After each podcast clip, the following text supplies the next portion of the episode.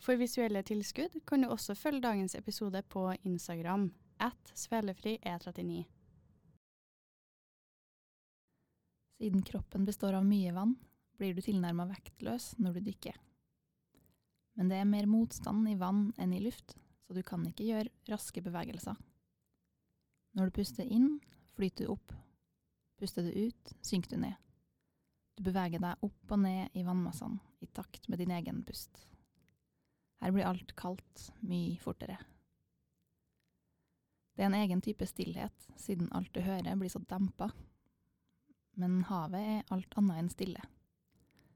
Det er lyder av bølgebrus, havet slår mot land. Du hører båter på lang avstand, lyden av smådyr som spiser. Alle lyder høres ut som de kommer fra rett over hodet ditt. Lys brytes annerledes i vann, og det er vanskelig å avgjøre avstand. Det er som om alt du ser er litt nærmere. Når sola står høyt, har du god sikt. Du ser tareskog, hvit sandbunn, fiskestim og større fisker. De er ikke redd for deg, men passerer deg på få meters avstand eller enda nærmere. I områder med strømninger trives røde, rosa og lilla anemoner. Når det er mørkere, ser du andre typer dyr, som krabber og trollhummer. Lys og farger forsvinner gradvis jo dypere du kommer. Først forsvinner de røde nyansene. Én etter én farge forsvinner i samme rekkefølge som regnbuen. Fiolett er den fargen som forsvinner sist.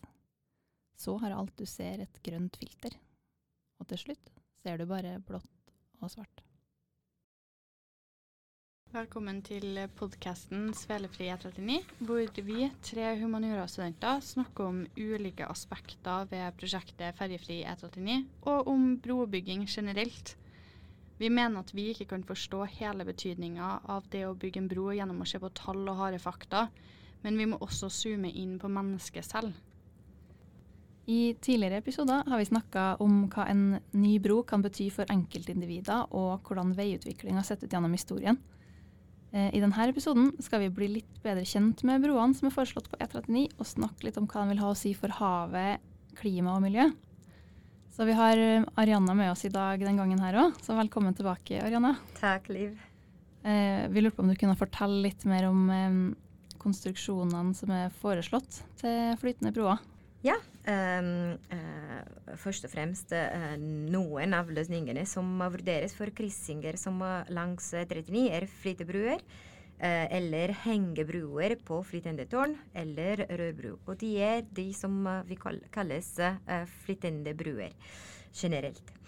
Uh, den rørbru er en nedsenket uh, rørbru, som, uh, som ordet sier, um, som flyter på en valgt dybde og uh, kan være koblet til flytende pontonger eller til havbunn.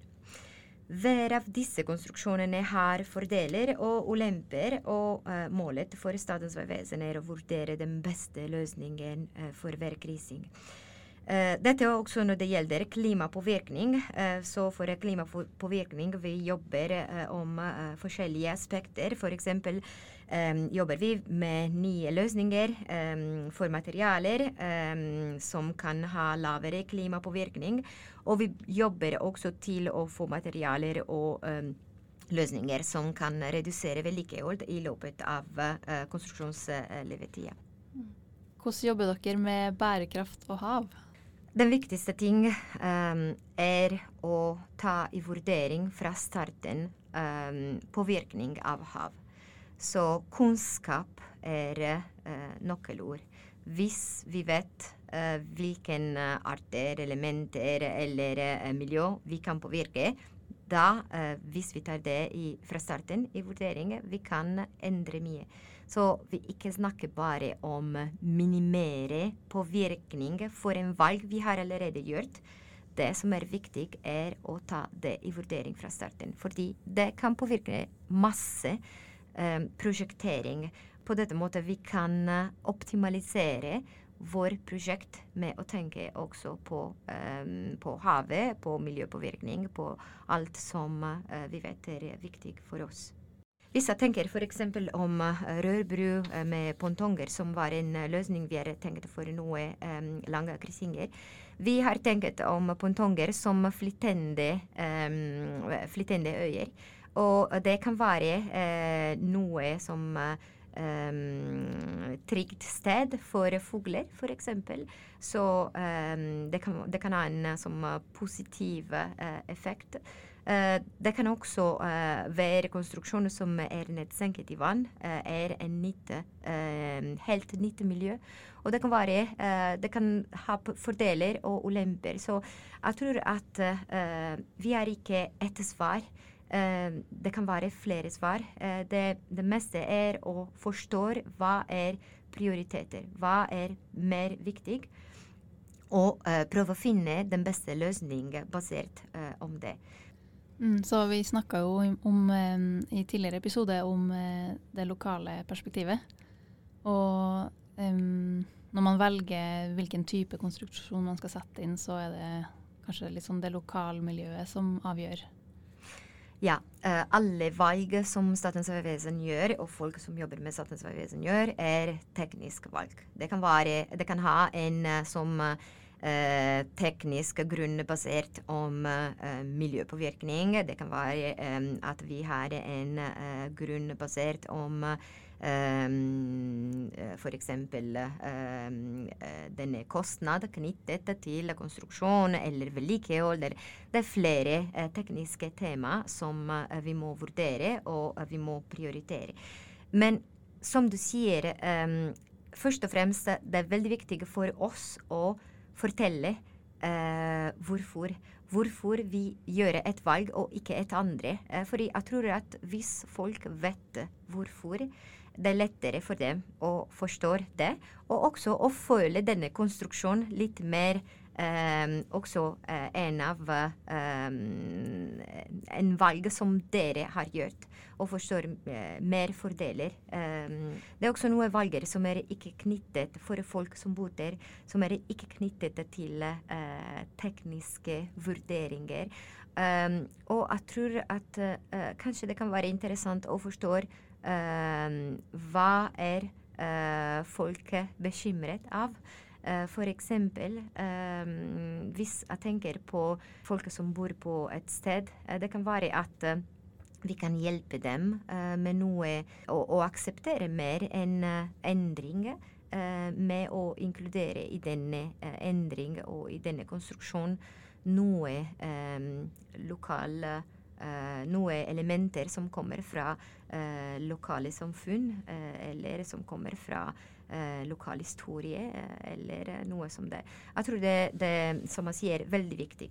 Um, men alt starter fra en tidlig kommunikasjon, uh, og uh, alt starter med å, å endre vår mindset uh, i begge to sider, og forstår at vi jobber sammen her. det er ikke at vi jobber mot, mot hverandre. Så prøv å finne den beste løsningen, fordi vi har den samme mål. Mm. Jeg, har, jeg, har, et lite innspill bare på det der med eh, det med lokale perspektiver imot havet. da, er at jeg tenkte sånn klimamessig at sånn Det har jo vi snakka om litt i gruppa. Å nei, betong er, betong er fælt. Det er ikke klimavennlig å bygge ut. Det må jo være negativt. Men samtidig så snakka jeg med, med, min far når vi holdt på med dette prosjektet, for jeg har jo en knytting til kystlinja på Vestlandet. Og eh, pappa kommer jo fra en, en, øy som har fått bro, da. Og da var jeg sånn, ja Påvirka det ikke fiskelivet veldig, da? For at de er ofte ute i sund og fisker. Og han var, han var sånn, nei. Det er blitt mer fisker rundt brua. Vi kjører jo båten ut til brua for å fiske, fordi at det har jo blitt mer vekst rundt der hvor brua er satt ned. Mm, Spesielt nå som, ja, nå som det har gått litt tid. Oksy, det kommer mer oksygen i vannet når eh, ja. det skjer strømninger. Så det er større, større fisker og, og, bedre fiske der, da. Så vi ligger veldig ofte under den brua og, og driver fiske. Så sånn sett så har det jo økt mm, det miljøet og det økosystemet i akkurat det området hvor brua kom med. Og han bryr seg ikke så mye om den, på en måte. Vi har jo snakka om det her med å se veldig negativt på ting. og så kom jeg plutselig på også at jeg har jo bare jeg har jo bare positivt syn på den brua. For for meg så er det sånn den brua jeg alltid gjennom hele mitt liv har liksom ligget og fiska under, og den brua som jeg ser på ut fra farmor og farfar sitt vindu, som er en på en måte integral del av det sundet. Men dem pleide jo å se uhindra ut. Så det er jo litt interessant å se på på en måte sånn Jeg er jo en del av det her fremtidsperspektivet som vi også har snakka om, som kun opplever prosjektet som ferdig. Og for meg så gjør det jo ikke noe. Det er bare for dem det gjør noe da. Men dem tror jeg hadde ganske god kommunikasjon når de holdt på å sette inn den brua, om hvor den skulle stå og hva som var best. Og, og nå så har de fått positive ringvirkninger av det flere tiår etterpå. da. Og det er veldig, veldig interessant for meg å, å se tilbake på, og ting som jeg ikke hadde tenkt på en gang å spørre pappa om før jeg begynte å jobbe med det prosjektet her. Og det er grunnen av kommunikasjon. Mm. Eh, fordi mange ganger eh, det er bare at eh, vi ikke kommuniserer nok, eller vi ikke kommuniserer på eh, den, den, beste måten. Eh, vi ikke prøver å finne en eh, type av kommunikasjon som alle kan forstå, som er ikke så teknisk som, eh, som, alle kan, kan forstå. Um, fordi jeg tror at mange ganger, eh, hvis eh, folk er mer informert, og, og hvis, du, hvis, du, kjenner mer rundt et eh, objekt, eh, du føler dette objektet også litt din, ikke sant? Mm. Eh, og det er den samme ting som skjer med store prosjekter. Hvis du kjenner mer, du føler at det er også litt din. Uh, og det er um, grunnen at uh, vi, vi, må prøve å finne et andre vei å, å kommunisere. Og det er også grunnen at uh, vi er her i dag. Mm. fordi jeg tror at vi har snakket mer om hva betyr et stor endring som en bro i dag enn hva mange medier har gjort i flere år. Eh, rundt E39. Eh, og det er ikke Jeg alltid sier at Statens vegvesen er en offentlig etat. Vi ikke trenger Uh, en reklame. um, vår arbeid er valgt uh, fra regjering, så vi, vi, gjør hva vi må gjøre. Men det er ikke grunn at vi skal ikke prøve å, å gi en kommunikasjon som alle kan forstå. Så eh, det er veldig eh, viktig at uh, folk forstår at vi prøver å skape den beste løsning for dem. Det er ikke for oss. Um, så det er veldig, veldig viktig. I forrige episode snakka vi om ferger som kulturarv. hva er grunnen til at vi vil fjerne den og lage broer istedenfor? Ja, eh, det var en eh, stor, eh, stor tema. først og fremst for noen av de kryssinger langs E39. Uh, ferger vil ikke være en miljøvennlig alternativ.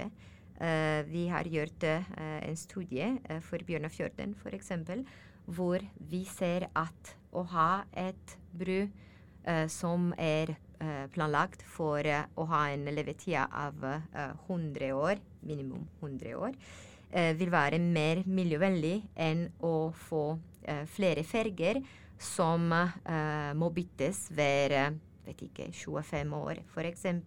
Uh, hvis vi snakker om CO2-produksjon knyttet til de to alternativer, bro er en bedre alternativ.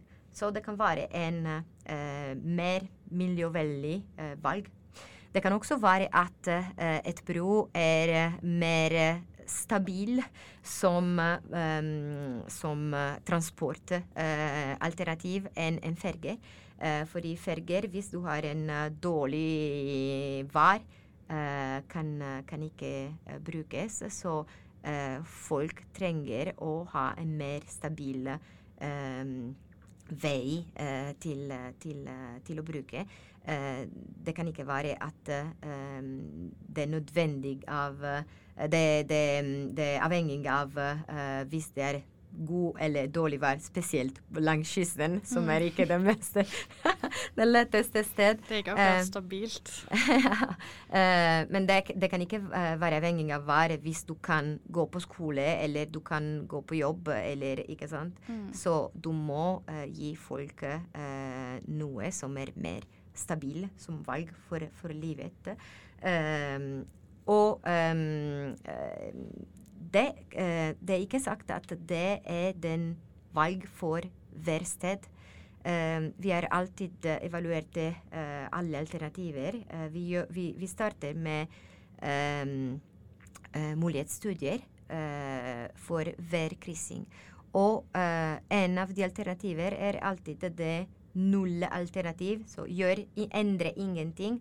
Vi, og også denne har fordeler og ulemper. Så som sagt, vi har ikke et svar som er den svar. Eh, hver sted har eh, sine, eh, sine eh, lister av prioriteter. Og eh, vi følger denne prioriteter og eh, prøver å forstå fra den tekniske eh, eh, fra en teknisk, med en teknisk vurdering hvilken er den beste svar, den beste løsning for denne spesifikke sted. Hvordan, eh, hvordan vet vi at nå er den rette tida å gjøre det? Det har jeg lurt litt på. For vi har snakka historisk, og vi snakka framtidig. Og nå har vi snakka litt om de teknologiske utviklingene. Det her med rørbro er jo ganske nytt, og hengebroene kan være lengre og større, så de kan dekke det her gapet som vi har i fjordene, som vi har trengt ferger til tidligere. Men hvilken sikkerhet har vi for at det ikke kommer en enda bedre mulighet om ti år, som vi burde ha ventet på? Uh, arbeid på, uh, om E39 uh, er ikke et arbeid vi gjør nå. Det er et arbeid som har startet tidligere, i 2011. Eh, kanskje det startet å vurdere flere alternativer. Og noen alternativer vi vurderer, som rørbru f.eks., det er en gammel, eh, gammel eh, konsept som vi starter å vurdere bare nå. Fordi nå vi vet at det er mulig å bygge det. Så um, Statens vegvesen følger teknologi. Vi også utvikler um, nye uh, teknologiske uh, løsninger uh, til, å, um, til å nå våre, våre måler. Um, eksempel uh, Statens jobber uh, for rørbro. Uh, vi har uh, jobbet um, litt om det. Vi har jobbet også med nasjonale regler og internasjonale regler om, om Rørbro. Så nå vi vet at det er et alternativ for, for ikke bare for Norge, det er et alternativ for hele verden. Um, og vi, uh, vi sammenligner den, dette alternativ med andre alternativer vi, uh, vi har. Så jeg tror at uh, jeg kan si at eh, hva vi gjør, er å, å følge teknologi og bruke nye muligheter eh, når det er mulig å, å bruke dem. Eh, og vi jobber også aktivt med å skape nye alternativer. I denne episoden har vi snakka om hvordan et stort prosjekt som ferjefri E39 påvirker miljøet. De største klimaspørsmålene blir kanskje litt fjern for enkeltmennesket, men ved å fokusere på det lokale har vi vist hvordan klima og miljø også kan oppfattes som svært individuelt. Vi har hatt besøk av Arianna, som har hjulpet oss med å forstå det tekniske bak dette omfattende prosjektet. Men dette prosjektet er ikke bare et nåværende prosjekt, det har også en framtid. I neste episode reflekterer vi på hva vi har lært for å diskutere veien videre.